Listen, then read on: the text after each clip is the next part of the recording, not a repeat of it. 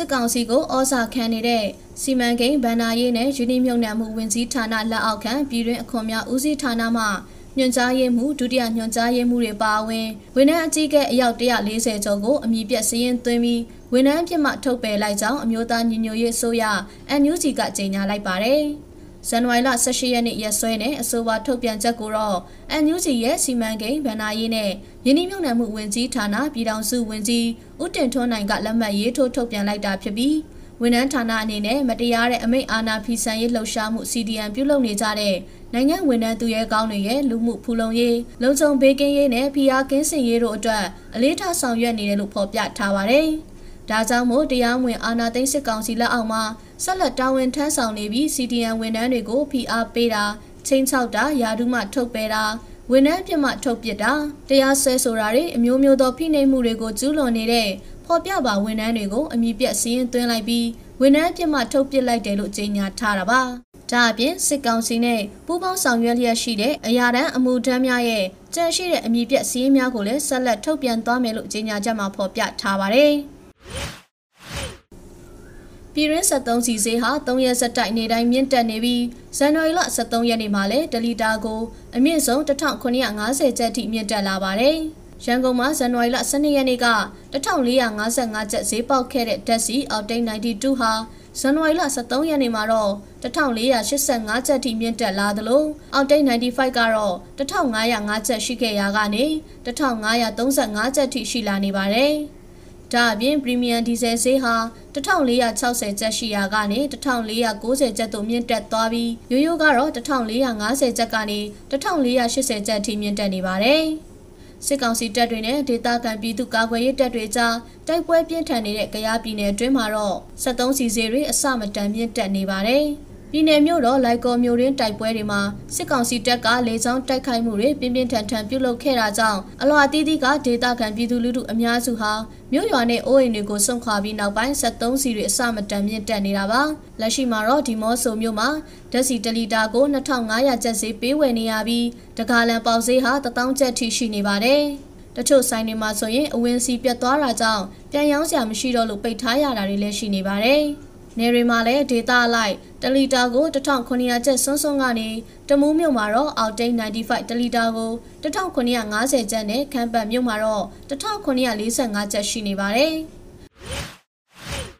ဥရောပသမဂ္ဂ EU ကော်မရှင်ကမြန်မာနိုင်ငံအပြင်ကမ္ဘောဒီးယားနိုင်ငံကစံတင်သွင်းမှုတွေကိုအကောက်ခွန်မဲ့တင်သွင်းမှုပြန်လည်စတင်ဖို့မျှော်လင့်ထားတယ်လို့အတည်ပြုလိုက်ပါတယ်။အင်ဒီကာခေါ်ဆန်လုံးရှည်တင်သွင်းမှုအပေါ် EU ရဲ့သွင်းကုန်ကောက်ခံမှုက ဇန်နဝါရီလ18ရက်နေ့မှစတင်ကတုံညသို့ပြန်လည်ရောက်ရှိသွားမယ်လို့အတည်ပြုထားကြောင်းသိရပါဗျ။နှစ်နိုင်ငံစလုံးကဖွံ့ဖြိုးဆဲနိုင်ငံတွေအထူးသဖြင့်ဖွံ့ဖြိုးမှုအ ਨੇ ဆုံးနိုင်ငံတွေကို EU ကပေးအပ်ထားတဲ့အကောက်ခွန်ဆိုင်ရာအခွင့်အရေးပေးမှုစနစ် GSP ရရှိထားကြပါတယ်။သို့တော်လည်း EU က၎င်းရဲ့အဖွဲ့ဝင်နိုင်ငံတွေကလယ်သမားတွေရဲ့ဆန်လုံးရှည်စိုက်ပျိုးမှုကိုကာကွယ်လိုတာကြောင့်လွန်ခဲ့တဲ့3နှစ်2019ခုနှစ်မှစတင်ကပြန်လည်အခွန်စည်းကြပ်မှုတွေပြုလုပ်ခဲ့ပါတယ်။ ထိုကာလတွေမှာ EU ကမြန်မာနဲ့ကမ္ဘောဒီးယားတို့ကစံတင်သွင်းမှုအပေါ်ပထမနှစ်မှာမက်ထရစ်တတန်ကိုသွင်းကုန်ခွန်185ယူရိုဒုတိယနှစ်မှာယူရို150နဲ့တတိယနှစ်မှာ125ယူရိုအခွန်စည်းကြပ်ခဲ့ပါတယ်။ EU ဈေးကွက်ကိုတင်ပို့နေတဲ့မြမဆန်တွေထဲမှာပေါင်းစံပေါ်စံအမထအုပ်စုဝင်စံလုံးရှည်နဲ့စကွဲတို့ပါဝင်ပြီး2018ခုနှစ်ကတန်ချိန်3သိန်းနီးပါးရှိခဲ့ကြောင်းမြန်မာနိုင်ငံစံစပါးအသင်းချုပ်ထံကသိရပါဗျ။ 2021ခုနှစ်ဒီဇင်ဘာလ4ရက်မှ10ရက်ထိကာလအတွင်းပင်လယ်ရေချောင်းမှာဒေါ်လာ12.9ခွန်တန်းရှိစံတန်ချိန်4200ကျော်တင်ပို့ခဲ့ရာအာရှနိုင်ငံများသို့စံတန်ချိန်16400ကျော်အာရဆော်ဘွားများပြည်ထောင်စုသို့စံတန်ချိန်18900ကျော်နဲ့ EU အဖွဲ့ဝင်နိုင်ငံများသို့စံတန်ချိန်9100ခန့်တင်ပို့ခဲ့ကြောင်းသိရပါဗျ။73စီစိမ်းမြင့်တက်မှုနဲ့ဝယ်လိုအားနည်းမှုကြောင့် ရခိုင်မှငါးဖမ်းလုပ်ငန်းများအရှုံးပေါ်ရရှိကြောင်းသိရပါဗျ။ရခိုင်ပင်လယ်ပြင်နဲ့ရခိုင်ကဲသို့ငါးရှာမရဖြစ်နေရသည့်အပြင်စီစိမ်းနှုံမြင့်တက်ပြီးအလုသမားကများလည်းတစ်နေ့ထက်တစ်နေ့မြင့်တက်နေတဲ့အတွက်ငါးလုပ်ငန်းရှင်တွေအမျက်မရှိဘဲအရှုံးပေါ်နေရတယ်လို့ငါးဖမ်းဆက်လီပိုင်ရှင်တို့ကပြောပါရယ်။တစ်ဖက်မှာလည်းစီးပွားရေးကြက်တဲမှုနဲ့ကုန်စည်နှုန်းမြင့်မားမှုတို့ကြောင့်ငါးဝယ်ယူစားသုံးသူနှဲပါလာကြောင်းသိရပါတယ်။ ရခင်ငါးပိတ်တာ30ပါပုံတပုံကိုတန်စာကကျပ်12000ခန့်ပေးရပေမဲ့ယခုအခါ15000မှ2000အထိပေးနေရက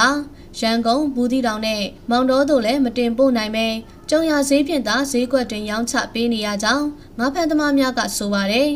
ငါးလုပ်ငန်းဟာရခိုင်ဒေသရဲ့ဒုတိယစီးပွားရေးလုပ်ငန်းဖြစ်ပြီးရခိုင်မှထွက်ရှိတဲ့ငါးတွေကိုရခိုင်ပြည်နယ်ဈေးကွက်အပြင်ရန်ကုန်နဲ့မြန်မာနိုင်ငံအလဲပိုင်းရှိမြို့ကြီးများနဲ့ ဘူးတီတောင်မောင်တော်မှတဆင့်ဘင်္ဂလားဒေ့ရှ်နိုင်ငံသို့တင်ပို့နေကြောင်းသိရပါတယ်။အခုလိုတင်ပို့ရမှာလဲတဲယူစီအိတ်နဲ့အလုသမားစိတ်မြမမှုတို့ကြောင့်ငါးလုပ်ငန်းရှင်တွေအနေနဲ့အရှုံးပေါ်နေကြတယ်လို့သိရပါတယ်။စစ်ကောင်စီကမော်လမြိုင်မြို့အနီးရှိနိုင်ငံတကာအဆင့်မီအပြည်ပြည်ဆိုင်ရာစိတ်ကမ်းတစ်ခုနဲ့လေရင်ခွင်းတစ်တစ်ခုတိစောက်သွားမယ်လို့ဇန်နဝါရီလ9ရက်နေ့ကထုတ်ပြန်ခဲ့တဲ့နိုင်ငံတော်ပြန်တမ်းမှာဖော်ပြထားပါတယ်။စီမံကိန်းအကောင့်ထဲဖော်ရေးကြီးကြပ်မှုကော်မတီကို 2021ခုနှစ်ဒီဇင်ဘာလ10ရက်နေ့ကလေးကဖွဲ့စည်းထားပြီးပို့ဆောင်ရေးနဲ့ဆက်သွယ်ရေးဝန်ကြီးကဥက္ကဋ္ဌဖြစ်တာဝန်ယူထားပါတယ်။ကြီးကြပ်ရေးဗဟိုကော်မတီကစီမံကိန်းလုပ်ငန်းများသတ်မှတ်ကာလအတွင်းပြီးစီးနိုင်ရေးအတွက်မူဝါဒချမှတ်ခြင်းမြေသိမ်းဆဲရေးလျှက်စစ်မီရရှိရေးရေချိုရရှိရေးချင်းကပ်လမ်းများနဲ့အခြားလမ်းမဆိုင်ရာဆက်ဆက်တိစောက်ရေးလိုအပ်သောဗန်နာငွေရရှိရေးတိုးတက်မှုစောင့်ကြည့်စစ်ဆေးခြင်းလုပ်ငန်းကော်မတီများဖွဲ့စည်းခြင်းတွေဆောင်ရွက်သွားမှာဖြစ်ပါတယ်။ NLD အစိုးရလက်ထက်ကမော်လမြိုင်မှာစက်မှုဇုံနဲ့အထူးစီးပွားရေးဇုံတည်ဆောက်ဖို့စီစဉ်ထားကြောင်း2020ခုနှစ်ဇူလိုင်လကုန်ပိုင်းကပြုလုပ်ခဲ့တဲ့မြန်မာဂျပန်ယင်းနှိမ့်မြုပ်နှံမှုဖိုရမ်အတွင်းပြောကြားခဲ့ပါတယ်။အထူးစီးပွားရေးဇုံအတွက်ရင်းနှက်စိတ်ကမ်းတစ်ခုတည်ဆောက်နိုင်မဲ့နေရာကိုရွေးချယ်ဖို့ဆုံးဖြတ်ခဲ့ကြပြီး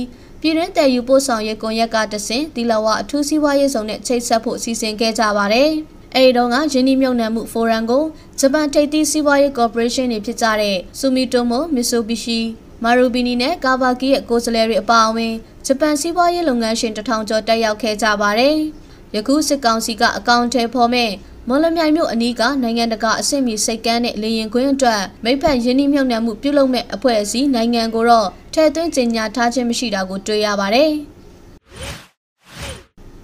ကြက်သွန်တွေထွက်ရှိလာတဲ့အခါဈေးကွက်မှန်မှန်ကန်ကန်နဲ့စနစ်တကျရောင်းချနိုင်ဖို့ရေနံချောင်းမြို့နယ်မှာကုန်စည်တိုင်းတစ်ခုရှိစေခြင်းတယ်လို့ကြက်သွန်ဆိုင်တောင်သူတွေစီကသိရပါဗျ။လက်ရှိအခြေအနေအရ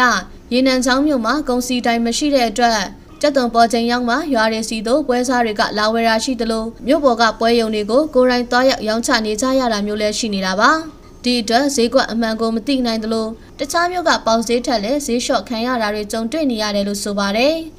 ဒါအပြင်ကြက်သွန်ဈေးသိချင်ရင်စိတ်ဖြူပခုတ်ကူစတဲ့မြို့တွေမှာရှိတဲ့ကုန်စည်တိုင်းတွေစီဈေးမေးပြီးအယောင်းဝယ်ပြုလုပ်နေကြရပေမဲ့ဈေးကတော့အကြဘက်မှာပဲအမြဲရှိနေတယ်လို့ဆိုပါတယ်။ဒါကြောင့်ရင်နံချောင်းမြို့မှာကုန်စည်တိုင်းတစ်ခုရှိလာမယ်ဆိုရင်တော့တခြားမြို့တွေလိုကြက်သွန်ဈေးကွက်ငိမ့်လာနိုင်တယ်လို့တောင်သူတွေကပြောပါတယ်။ရင်နံချောင်းမြို့မှာပြီးခဲ့တဲ့နှစ်ကလည်းကျက်သွန်ဈေးမကောင်းခဲ့တာကြောင့်တောင်သူတွေအရှုံးပေါ်ခဲ့တဲ့အတွက်အခုနှစ်မှာကျက်သွန်ဆိုင်တောင်သူထက်ဝက်နီးပါးလျော်နေခဲ့တာပါ။ လက်ရှိမှာတော့ချောင်းကျက်သွန်တွေစိုက်ပျိုးနေကြပြီးလာမယ့်မတ်လထဲမှာထွက်ရှိမှာဖြစ်လို့အခုနှစ်မှာတော့ကျက်သွန်ဈေးကောင်းရဖို့မျှော်လင့်နေကြတယ်လို့သိရပါဗျ။ယခုနှစ်အတွင်းမတ်ပဲနဲ့ပဲစင်းကုန်အထွန်းတုံးတိုးမယ်လို့မျှော်မှန်းထားတာကြောင့်နှစ်စဉ်သွင်းကုန်ခွဲတန်းတိုးမြင့်ပေးဖို့အိန္ဒိယအစိုးရထံမြန်မာနိုင်ငံပဲမျိုးစုံတင်ဖို့ရောင်းချသူတွေကတိုက်တွန်းထားပါတယ်။ပဲဝယ်လိုအားအများပြားရှိတဲ့အိန္ဒိယနိုင်ငံကို9နှစ်ဆက်တိုင်းမပဲတန်ချိန်2သိန်းခွဲနဲ့ပဲစင်းကုန်တန်ချိန်3သိန်းတင်ပို့ဖို့ နှစ်ဖက်အစိုးရကြားနားလည်မှုစာချုပ်လော MOU ရေးထိုးထားပါတယ်။ရန်ကုန်ခြေဆိုင်ပဲတင်ဖို့ရောင်းချသူတွေရဲ့အဆိုအရ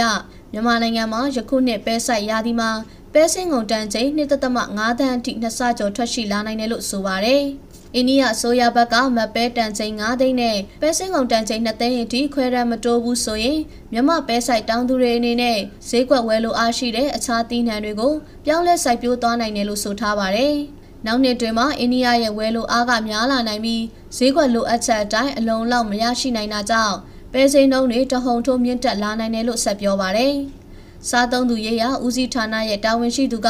လွန်ခဲ့တဲ့နှစ်နှစ်အတွင်းအိန္ဒိယနိုင်ငံကိုမပဲ69ရာခိုင်နှုန်းနဲ့ပဲစိမ်းကုန်68ရာခိုင်နှုန်းအထိပံ့ပိုးပေးခဲ့တယ်လို့ပြောပါရယ်။ မြန်မာနိုင်ငံရဲ့ပဲစင်းကုန်တင်ပို့မှုကနီပေါ် UAE နဲ့အခြားနိုင်ငံတွေကိုတင်ပို့ရောင်းချနေပေမဲ့အရေးအတွက်အနည်းငယ်သာရှိတာကြောင့်အိန္ဒိယဈေးကွက်ကိုအဓိကမှီခိုနေရတာဖြစ်ပါတယ်။ပြီးခဲ့တဲ့2020-2021ဘဏ္ဍာနှစ်မှာမြန်မာပဲမျိုးစုံတင်ပို့မှုတမိုင်းမှာအမြင့်ဆုံးဖြစ်တဲ့တန်ချိန်2တန်းကျော်တန်ဖိုးအဖြစ်အမေရိကန်ဒေါ်လာ1.5ခွန်ဘီလီယံထိရရှိခဲ့ပြီးအများစုကိုတော့မြန်မာပဲတင်ပို့မှုရဲ့အဓိကဈေးကွက်ဖြစ်တဲ့အိန္ဒိယကိုတင်ပို့ခဲ့ပါတယ်။ လက်ရှိအော်တိုဘာလ၁ရက်နေ့မှစတင်တဲ့မီနီဘတ်ဂျက်အတွင်းဒီဇင်ဘာလ18ရက်နေ့အထိပဲတန်ချိန်3သိန်းခန့်တင်ပို့ထားပြီးပို့ကုန်ရငွေအမေရိကန်ဒေါ်လာတန်း240ကျော်ရရှိထားတယ်လို့စစ်ကောင်စီရဲ့စီးပွားကူးသန်းဝင်ကြီးဌာနရဲ့စီးရဲမှာဖော်ပြထားပါတယ်။ ပြည်ပနိုင်ငံများ၌တရုတ်ရဲ့စီးပွားရေးလုပ်ငန်းတွေဟာဗိုလ်ကျဆုံးမိုးရန်အားထုတ်ကြံရွယ်ခြင်းမဟုတ်ကြောင်းသို့ပေမဲ့လည်းပြောင်းလဲနေတဲ့ကမ္ဘာကြီးမှာတိုးတက်ဖြစ်ထွန်းမှုလမ်းကြောင်းအားစုပ်ကိုင်ခြင်းကိုထိန်းသိမ်းနိုင်ရန်အတွက်ဖြစ်ကြောင်းဗြိတိန်စာရေးဆရာနဲ့လေလာသုံးသက်သူတွန်ဖွန်ဒီကပြောကြားခဲ့ပါတယ်။ တရုတ်နိုင်ငံဟာရဝန်းနဲ့ပိုးလန်းမှအဆိုပြုချက် BRI အောက်မှာဥရောပနဲ့အာဖရိကရှိနိုင်ငံများစွာနဲ့ပူးပေါင်းဆောင်ရွက်မှုဟာနှက်ဆိုင်လာကြောင်းအရှိအာရှရေးရာအဓိကထားပြီးနိုင်ငံရေးနဲ့နိုင်ငံတကာဆက်ဆံရေးလေးလာသုံးသပ်သူဖော်မ်ဒီကပြောကြားခဲ့ပါတယ်။တရုတ်ရဲ့ BRI စီမံကိန်းမှာအတိုင်းအတာတစ်ခုထိပါဝင်ဖို့လက်မှတ်ထိုးထားတဲ့နိုင်ငံစုစုပေါင်းဟာ 2021ဒီဇင်ဘာလအရောက်မှာ142နိုင်ငံအထိရှိနေပြီးအာရှပစိဖိတ်ဒေသနဲ့အာဖရိကတိုက်ဒေသတွေကဆိုရင်နိုင်ငံအလုံးနီးပါးလောက်ကလက်မှတ်ရေးထိုးထားကြတာဖြစ်ပါတယ်။တွတ်ဆုပ်တွေးဝဲမှုမရှိတဲ့ကြီးမားတဲ့မဟာဗျူဟာရည်မှန်းချက်နဲ့အတူအနောက်တိုင်းမဟုတ်တဲ့နိုင်ငံတွေနဲ့တရုတ်နိုင်ငံရဲ့ဆက်ဆံရေးဟာခိုင်မာတောင့်တင်းလာခဲ့ပြီး၎င်းတို့ဟာရဝန်းနဲ့ပိုးလမ်းမှအဆိုပြုချက် BRI တွင်မှာပုံမနှဆိုင်စွာပေါင်းစည်းလာခဲ့ခြင်းဖြစ်တယ်လို့၎င်းကရေးသားဖော်ပြထားပါတယ်။ တရုတ်ရဲ့ BRI စီမံကိန်းမှာပါဝင်တဲ့နိုင်ငံတွေမှာယထာလန်ကားလန်နဲ့စိတ်ကမ်းတိဆောက်ရင်းနှီးမြှုပ်နှံမှုတွေရှိပေမဲ့ကျွေးမီတွေတင်ရှိသွားတဲ့နိုင်ငံတွေလည်းရှိတယ်ဆိုပြီးဆွဆွဲချက်တွေလည်းရှိနေပါတယ်။တရုတ်ကိုပြန်ပေးရမယ့်အကျွေးအများစုဟာတရုတ်သမ္မတရှီကျင်းဖျင်ရဲ့ရဝန်းတစ်ခုလမ်းကြောင်းတစ်ခုဆိုတဲ့ BRI နိုင်ငံတကာရင်းနှီးမြှုပ်နှံမှုစီမံကိန်းကြီးအောက်ကလန်ယထာလန်စိတ်ကမ်းစတဲ့အခြေခံအဆောက်အုံစီမံကိန်းကြီးတွေမိုင်းလုပ်ငန်းနဲ့စွမ်းရည်လုပ်ငန်းတွေနဲ့ဆက်နွယ်နေပါတယ်။ တရုတ်နိုင်ငံဟာကမ္ဘာပေါ်မှာတနိုင်ငံတည်းကနေအများဆုံးငွေချေးငှားတဲ့နိုင်ငံတွေထဲမှာတစ်ခုအပါအဝင်ဖြစ်ပါတယ်။တရုတ်နိုင်ငံကနေဝင်ငွေနှိမ့်နဲ့အလဲအလက်ဝင်ငွေရှိတဲ့နိုင်ငံတွေကိုချေးတဲ့ငွေပမာဏဟာပြီးခဲ့တဲ့ဆယ်စုနှစ်အတွင်းသုံးဆများလာခဲ့ပြီး2020ခုနှစ်ပိုင်းမတိုင်ခင်ဒေါ်လာဘီလီယံ190ထိတောင်ရှိလာခဲ့ပါတယ်။ American နိုင်ငံရှိ William and Mary တက္ကသိုလ်ကနိုင်ငံတကာဖွံ့ဖြိုးရေးအဖွဲ့ရဲ့လေ့လာချက်အရ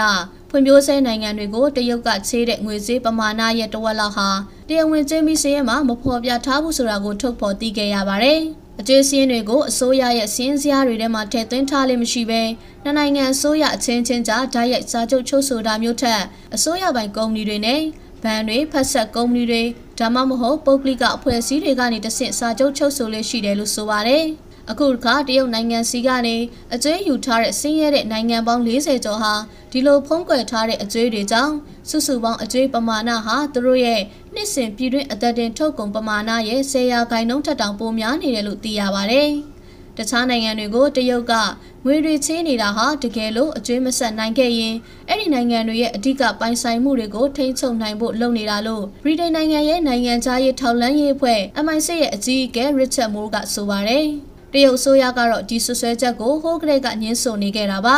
စက်မှုထိပ်သီးနိုင်ငံကြီးအများစုကသူတို့ရဲ့ငွေချေးငှားမှုအကြောင်းအချက်လက်တွေကို Paris Club လို့ခေါ်တဲ့မဟာမိတ်အဖွဲ့အတွင်းမှာအချင်းချင်းပြန်လည်မျှဝေကြလေးရှိပါတယ်။တရုတ်ကတော့အဲ့ဒီအဖွဲ့ထဲမဝင်ထားပါဘူး။ဒါပေမဲ့ကမ္ဘာပံအဖွဲ့ကြီးကရတဲ့အချက်အလက်တွေကိုကြည်ချင်းအပြင်တခြားနိုင်ငံတွေထက်စာရင်တရုတ်ရဲ့ငွေချေးမှုပမာဏတဟုန်ထိုးတိုးတက်လာနေတဲ့ဆိုတာကိုထင်ထင်ရှားရှားတွေ့နိုင်ပါတယ်။ အမေရိကန်နိုင်ငံဟာကမ္ဘာတဝန်းမှာ၎င်းရဲ့စီးရဲတည်ရှိမှုအပေါ်ကိုအာရုံစိုက်ပြီးနိုင်ငံ80ကျော်မှာအခြေစိုက်စခန်း950ပိုင်ဆိုင်ထားကြောင်းကိုအမေရိကန်နိုင်ငံကကမ္ဘာတဝန်းမှာစစ်အခြေစိုက်စခန်းတည်ဆောက်နေပြီးတရုတ်နိုင်ငံကစီးပွားရေးတစ်ခုတည်းလှုပ်ဆောင်နေတဲ့ဆိုတဲ့ခေါင်းစဉ်နဲ့ရုရှားရုပ်သံလွှင့်ဌာန RT ရဲ့မကြသေးမီကထုတ်လွှင့်ခဲ့တဲ့စောင်းမတစ်ပုဒ်မှာဖော်ပြထားတာပါ။